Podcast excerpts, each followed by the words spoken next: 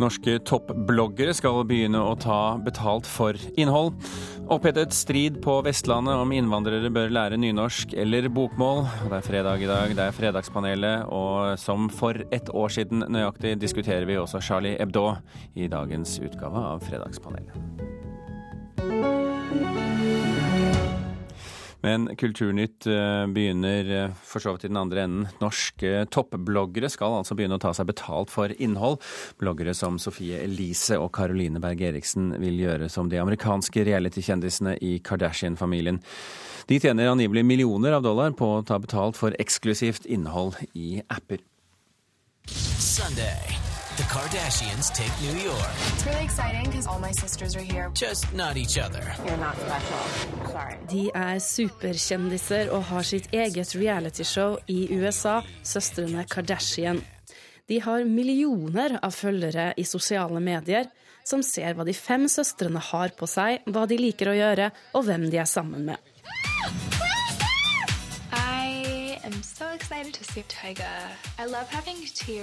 Men i fjor begynte de å ta betalt for noe av dette innholdet gjennom apper. Og på det har de tjent enda flere millioner av dollar. Nå vil norske toppbloggere gjøre det samme. Det jeg vil med appen er jo Jeg kan ikke si så mye om den enda, for jeg er enda utviklingsfaser, men bare ja, Forhåpentligvis er det noe leserne mine og følgerne mine skal få godt utbytte av, og en ny måte å kommunisere på. Hun er en av Norges mest leste bloggere. Sofie Elise Isaksen er i Harstad for å delta i TV 2s talkshow Senkveld. Altså, jeg syns egentlig bare at det å jobbe med apper er nytt og spennende, så det er jo fremtida for mange. Og inntjenings... Altså, man får se på det, men det er ikke det viktigste. På gata i Oslo treffer vi flere blogglesere. Nei, jeg hadde nok ikke tatt uh, betalt for det. Det blir litt sånn som Kim Kardashian har lansert en app nå, hvor man betaler for det. Det er sikkert noen som gjør det, men uh... Det er ikke bare Sofie Elise Isaksen som satser på å tjene penger på apper. Kjente bloggere som fotballfrue Caroline Berg Eriksen og Camilla Pil kommer med app i løpet av kort tid.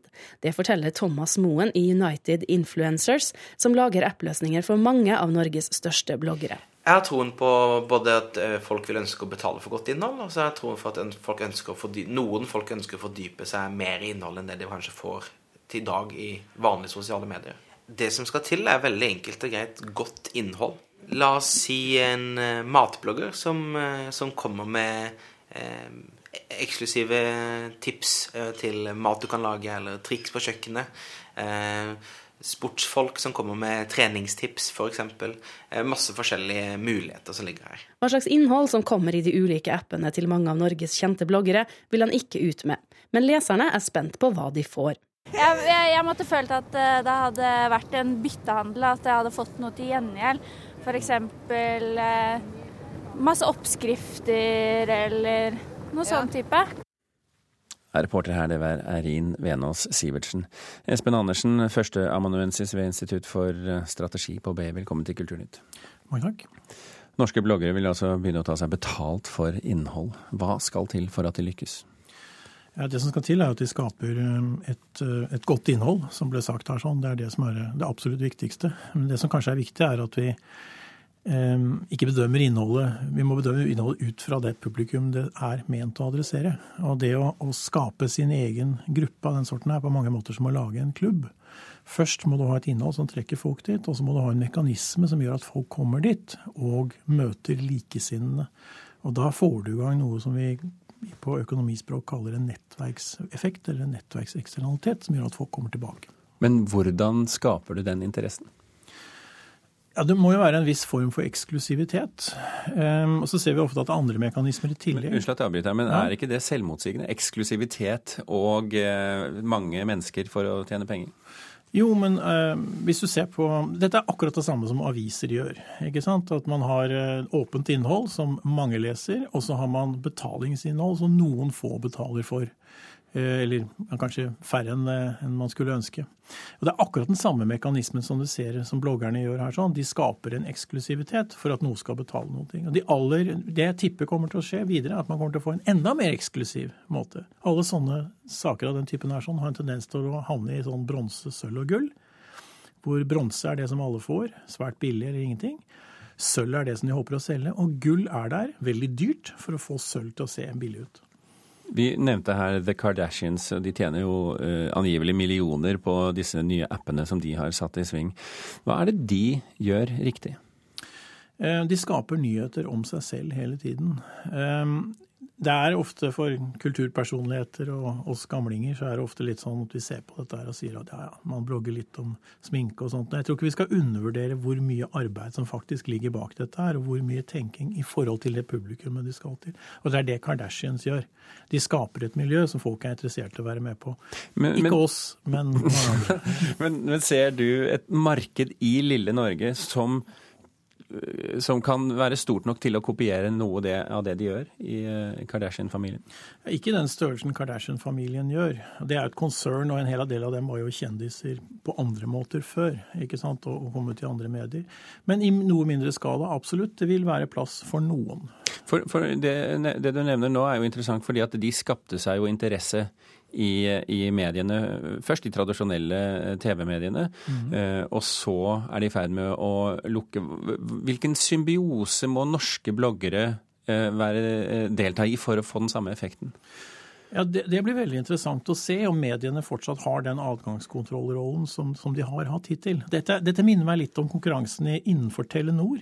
Da hadde man fastnett, og så kom mobilnettet. Og de folkene som hadde fastnett, syntes jo at mobilnett var kjempefint, for det ble mer trafikk i fastnettet, ikke sant? Inntil mobilnettet helt tok over, og nå er fastnett noe som man bare har sånn, som en litt sånn museumsgjenstand. Og det er klart at eh, Hvis ikke aviser og, og, tradisjonelle medier kjenner sin besøkelsestid, så ligger det en liten utelukkelsesmulighet her, sånn, hvor de kan bli i større grad irrelevante overfor den type miljøer. Men bloggerne får jo også en utfordring, for de må jo finne en annen måte å bli kjent på for å kunne ha stort nok tilfang på, på betalende kunder. Ja, men det fins i dag sosiale medier som Facebook og Instagram og Snapchat og hva det nå heter neste uke. Og, og, og det, er, det, er, også en måte å bli kjent på. Eh, reality-konkurranser, altså alt mulig rart. Eh, så, så, aviser og TV er ikke nøkkelen, den eneste nøkkelen til berømmelse lenger. Espen Andersen fra BI, takk for at du kom til Kulturnytt.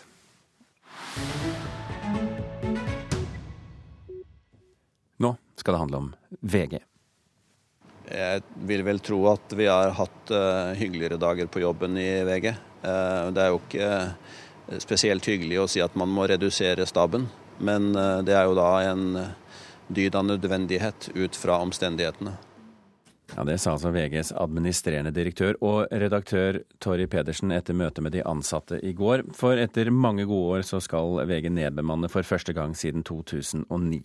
Mer konkret skal mediehuset nå legge ned de tre siste lokalkontorene sine, og i tillegg kutte minimum ti årsverk i kommersiell og administrativ avdeling, og ca. 20 årsverk i VGTV og avisen for øvrig.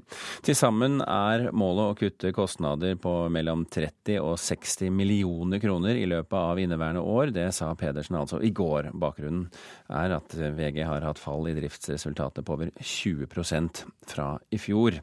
Og Erik Wilberg, også medieprofessor ved eh, unnskyld, førsteamanuensis ved Institutt for strategi på BI. Hva leser du ut av VGs kuttplaner? Nei, Jeg leser jo at det er en fortsettelse på den linjen som vi har ligget på i ganske mange år. Eh, men det som nok har vært overraskelsen for eh, både VG og bransjen for øvrig, har jo vært at eh, man også nå har fått en utflating og nedgang på enkelte deler av det digitale markedet. Papirmarkedet har vi jo kjent i flere år at det er på vei ned. Men at det også flater ut på desktop og har nedgang der, det var nok litt mer overraskende når det kom. Hvilke konklusjoner trekker du av det? Eh, at eh, det er store endringer på gang også innenfor den digitale sfæren. Vi hørte jo nettopp min kollega Espen snakke om blogging og, og, og nettverkseffekter. Eh, vi har jo det samme fenomenet i, i, i, avisene, hvor vi er nødt til å se at til og med de som var digitale hva skal vi si, brukere, flytter seg over på mobilplattformen, som jo blir den plattformen som folk har med seg overalt og til enhver tid. Men betyr dette at folk ikke bare er uinteressert i å betale for papiravisen, men nå også for avis på nett? Eh, altså, vi har jo ikke funnet løsningen på, med disse, disse, betalingsmurene eller betalingsveggene, som det heter. Altså, det er jo utallige varianter av det, både med små plussmodeller og helt lukkede modeller og sånn. Det har ikke funnet sin form. Men samtidig er det også en underliggende ting her, nemlig at jeg syns ikke produktene, altså de digitale produktene helt holder mål heller. Eh, fordi man har kommet på etterskudd med eh, teknologi og presentasjonsmetoder. Det finnes noen unntak, som Dagens Næringsliv og Aftenposten, men veldig mange eh, henger igjen for mer, selv i den digitale plattformen, litt for mye i den, i den analoge verden, da, papirverdenen.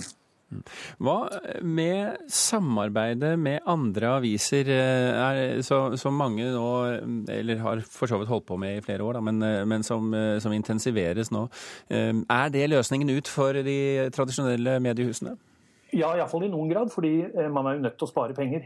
Det er kostbart å drive avis på gamlemåten, for å si det slik. Og, og, og, da ser vi jo at man slår sammen selskaper, sånn som Skipsted nå gjør med de store regionavisene sine. Og at, og at, man forsøker å spare og spinke og spare på hver eneste mulighet man har.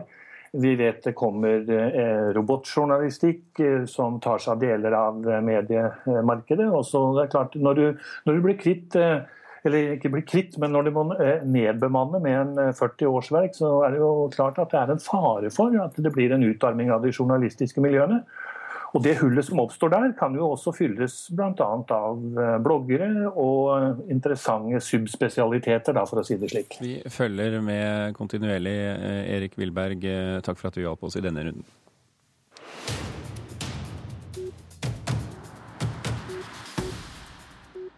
Bør innvandrere lære nynorsk eller bokmål? Derom strides eh, språkforskere, målfolk og riksmålsfolk. Og bakgrunnen for striden er Årdal kommune, der politikerne har vedtatt å endre språkopplæringen fra bokmål til nynorsk for innvandrerne. Siden innvandrerne i stor grad flytter til større byer, bør alle lære bokmål, mener leder i Riksmålsforbundet, Trond Wernegg. Jeg tror at vi skal tenke på den enkelte språkbruker her. Eh, at det er den enkelte asylsøker som eh, hvis hensyn skal ivaretas. Og da er det nå engang slik, enten man liker det eller ikke, at 90 eh, av befolkningen skriver eh, bokmål. 10 eh, skriver nynorsk. Og med personer som da flytter på seg og fra, har en annen språkbakgrunn, så tror jeg ikke det kan være tvilsomt i det hele tatt at det mest nyttige og praktiske vil være at de lærer bokmål og bruker bokmål i det skriftlige. Norskopplæringa til flyktninger og asylsøkere har i nynorskkommunen Årdal vært på bokmål, men i et ferskt vedtak i kommunestyret kom politikerne samrøystes fram til at en skal gå over til nynorsk, melder Sognavis. Heller ikke den røynde språkforskeren Finn Erik Vinje liker dette. For at de skal innpasse seg i det lokale miljøet, og vi snakker om talespråket så tror jeg nok at det er klokt å gjøre tilnærmelser til årdalsspråket. Men det er litt annerledes med ikke bare litt, men det er svært mye annerledes med skriftspråket. Skriftspråket er felles for hele nasjonen, og da er det nok at bokmål bør foretrekkes. Språkforsker Sylfest Lomheim er på fullstendig kollisjonskurs med Vinje. Når jeg hører det argumentet, så må jeg jo selvsagt prøve å være rolig og ikke bruke for sterke ord. Men folk som tenker, kan jo sjøl tenke. Altså nynorsk og bokmål er jo varianter i dette landet. Og eh, hvis det er slik at eh, flyktninger som lærer seg å snakke nynorsk, ikke kan flytte til andre steder enn til indre Vestland, så betyr jo det liksom at nynorsk ikke kan forstås i Oslo til dømes. Og hvis noen hevder noe slikt i våre dager Vi har jo ytringsfridom, men eh, ja, da tenker jo folk sitt. Ja, Du hørte Sylfest Lomheim til slutt her, og reporter det var Bård Siem. Vi eh, skal snart ha Fredagspanelet inn i Kulturnytt, men først skal vi ha eh, de andre nyhetene. Det er usannsynlig at noen av de to om bord har overlevd flystyrten i Sverige i natt, ifølge den svenske redningstjenesten. Den lave oljeprisen gjør det lettere å starte opp oljeboring eh, i nord, mener oljeminister Tord Lien. Det er et av flere tiltak som må vurderes på nytt når Norge nå blir nyfattig, sier sjeføkonom Jan Andreassen i Eika Gruppen. 15 av 20 høyesterettsdommere kan være inhabile i ankesaken om Carl I. Hagens stortingspensjon. De har nemlig selv en lignende pensjonsordning.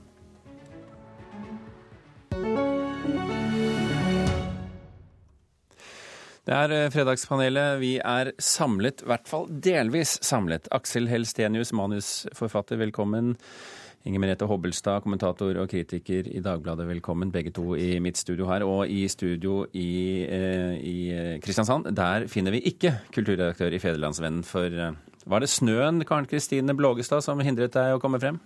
Ja, det var litt forsinkelse på veiene og litt i sentrum i Kristiansand i dag, så det tok litt lengre tid. Så nå har jeg studio i bilen. Ja, men det er fint. Vi hopper til første spørsmål med en gang. I går var det ett år siden terrorangrepet i redaksjonen til, den, eh, til det franske satirebladet Charlie Hebdo, der tolv mennesker ble drept. Den svenske kunstneren Lars Wilks, som etter sine tegninger av profeten Mohammed som hun har vært utsatt for attentatangrep selv, sa til NRK at mediene har sviktet. Spørsmålet vårt er har han rett? Nei. nei. Hvis det har vært å høyne konfliktnivået, ja. Hvis det ikke har vært det, så nei. Blågestad? Jeg hadde i hvert fall rett. Vi er bedre nå. Blågestad i bilen. Hvorfor mener du det? Fordi jeg mener at etter Charlie Hebdo så var det en voldsom eh, vekk... Altså det var en veldig vekker i Vesten. Da ble vi ekstremt bevisst eh, verdien av vår ytringsfrihet og hvordan vi skulle forvalte den, og hadde en stor og bred diskusjon om det som brakte vår offentlighet mange skritt eh, videre og moderniserte den. Eh, etter eh, sine tegninger så var vi veldig forvirra og snakket fortsatt mye om respekt og ansvar og blasfemi og bla, bla, bla. Vi har beveget oss langt, mener jeg. Mm, Eh, vi er helt enig med det som sies her. Altså, du ser jo en markant forskjell på debatten slik den var etter f.eks. karikaturstriden i 2006, og slik den var etter attentatet på Charlie Hebdo. Altså, den gangen så gikk man på en måte instinktivt i seg selv og satte spørsmålstegn ved motivasjonen til de som trykket karikaturer, og var, det, var nå dette egentlig nødvendig? Eh, og etter da terrorangrepet for et år siden, så, så, ble man mye mer bevisst på at dette faktisk er viktig å verne om. Eh, retten til å gjøre det. Og du ser jo også at f.eks. de fleste norske aviser, så vidt jeg vet, trykket jo faksimiler av Charlie Hebdo og deres omstridte tegninger etter eh, attentatet. Og så er det jo blitt slik likevel at det er helt sant at frykten spiller inn her. Altså Du ser at det tegnes jo ikke nye tegninger. Norske karikaturtegnere bruker ikke Muhammed som motiv. Uh, og det er veldig leit at det er slik, og samtidig tenker jeg at man kan ikke forvente at folk risikerer livet, rett og slett. Altså det er en frykt det er grunn til å ha.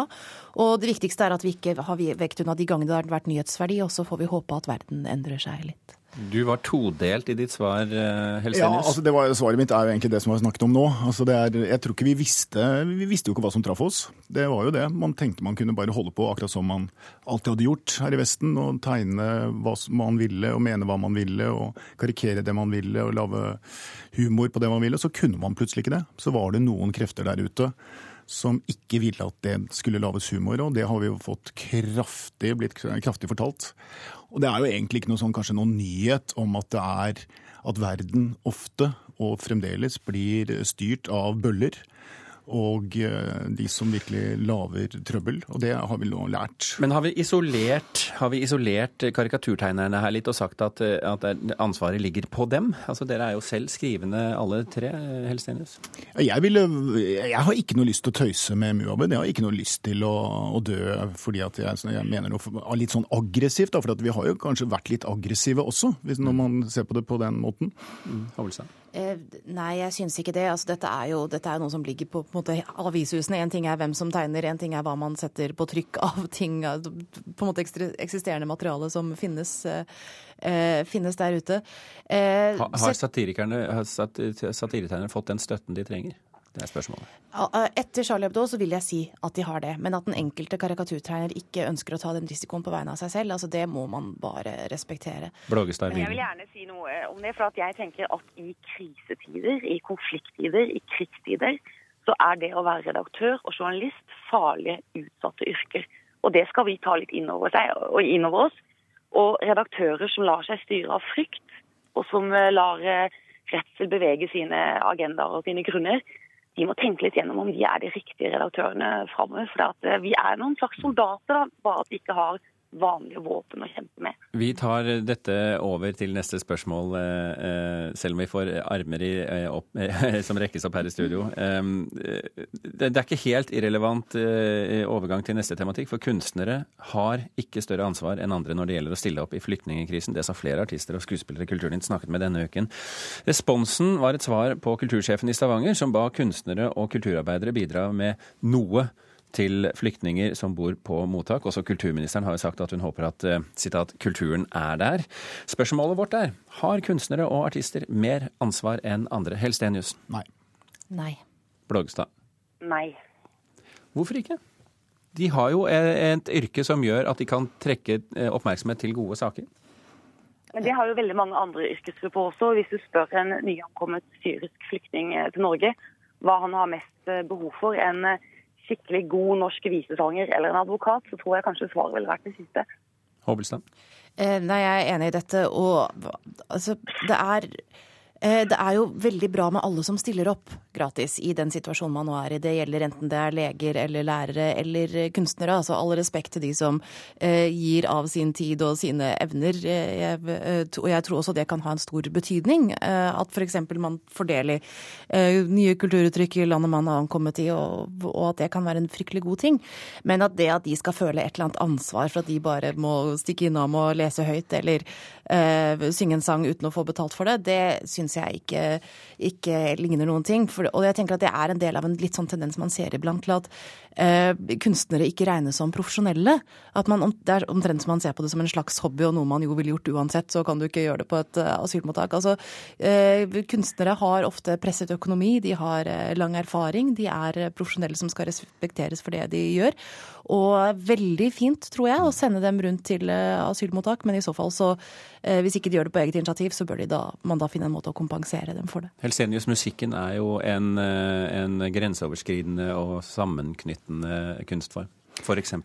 Ja, altså jeg vil jo sagt at jeg tror på kultur, men jeg tror vel kanskje at de som sitter på flyktningmottak f.eks., bør da heller oppfordres til å drive med sin egen kultur. Altså at, de, at det stilles instrumenter tilgjengelig, at det er papir for å skrive på, lerreter å male på. Publikum har de jo. Altså det burde jo absolutt være mulig å samle ganske mange publikummer der. Slik at man både da kan lage noe og ha et publikum som, som, hører på det. Det tror jeg er viktigere enn at jeg leser fra bøkene mine eller lager et uh, hvordan du skal skrive filmmanuskurs og sånn. Det, det gjør jeg gjerne. Absolutt.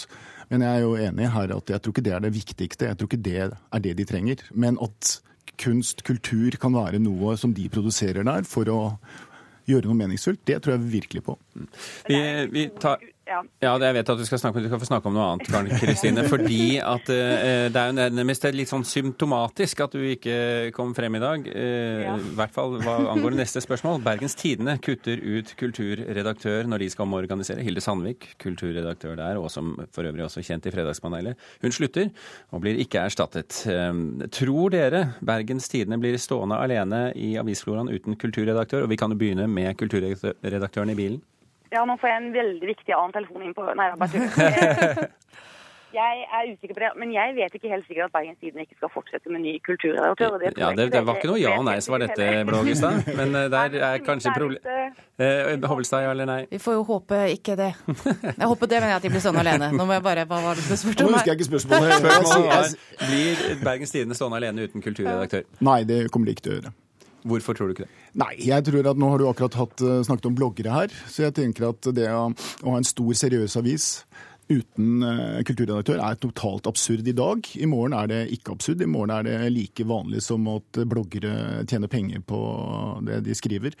Så det er vel av de tingene som vi kommer til å se fremover, som er ja. Blågestad, kulturredaktør Blågestad, er du enig med Helstenius her? Ja, jeg tenker også at mediebransjen er helt utrolig vanskelig å forutsi nå. Vi vet ikke hva som kommer rundt neste sving. Men godt innhold vil norske journalister alltid levere, og det er jeg aller mest opptatt av. Men jeg syns også det er viktig å forsvare Kulturredaktørinstituttet. Da, at, ja, Hvorfor er det viktig? For, fordi det viser at man tar eh, kultur som felt på alvor, og at man eh, ja, rett og slett eh, tar det alvorlig. Det virker som du nesten ikke helt vet hva du skal si. Nei, jo, jeg vet det, da. Jeg er litt uh... Og jeg, jeg, sier det i beste mening, altså, for, fordi at, fordi at uh, dette gjelder jo deg og din stilling. Ja, absolutt. Men eh, det gjelder alle mediefolk. Vi står i enorme forandringer. Og vi kan ikke klore oss helt fast helt eh, til eh, organisasjons- eller måter å løse for organisasjoner på som vi har i dag. Det kan vi ikke helt klore oss fast i. Men jeg tror at innhold er viktig, og da er kultur viktig. Og da er også kulturredaktører viktige. Hovelstad? Altså, Ingen kan jo åpenbart spå om noe som helst i mediebransjen. Det har det jo mange som har prøvd på, og ingen som har fått til særlig bra så langt. Så kan jeg ikke bare snakke fra hjertet og normativt og si at nei, bare det må vi ikke følge etter uh, dette her. Altså Det store, spraglete, viktige kulturfeltet er Altså det er viktig, samtidig som det er veldig lett å nedprioritere. Og det trenger så veldig en sterk bevissthet som har, jeg tenker strategisk, som kan prioritere, som kan kuratere, som kan plukke ut kulturuttrykk som er viktig å gi oppmerksomhet, og ikke minst også finne stemmer eh, til debatten i forskjellige, både i land og regioner eh, rundt omkring. Jeg syns jo det er spennende, jeg er også helt enig i det som blir sagt nå. Jeg syns det er spennende da om da tidligere kulturredaktør, hun som går ut nå, eh, om hun får det til i, når hun nå skal inn i nettbransjen. For hun har jo ikke tenkt å stilne? Nei, hun har jo ikke tenkt å stilne. Så, så kanskje hun har nese for det som er fremtiden. Det, hun må jo i hvert fall ha kjent på det og tatt et valg. Så det blir jo veldig spennende om det er den veien det går. Som sagt, ingen vet, og vi får jo bare notere, notere etter hvert som utviklingen eh, skjer. Karen Kristine Blågestad, lykke til videre i trafikken i eh, Kristiansand. Eh, Inger Merete Hobbelstad, takk for at du kom her i studio, og også takk til deg, Aksel Helstenius. Vi i Kulturnytt er i ferd med å runde av. Vidar Sem har vært produsent for dagens sending. Her i studio fant du Birger Kolsrud Aasund. Snart blir det mer nyheter her på kanalen.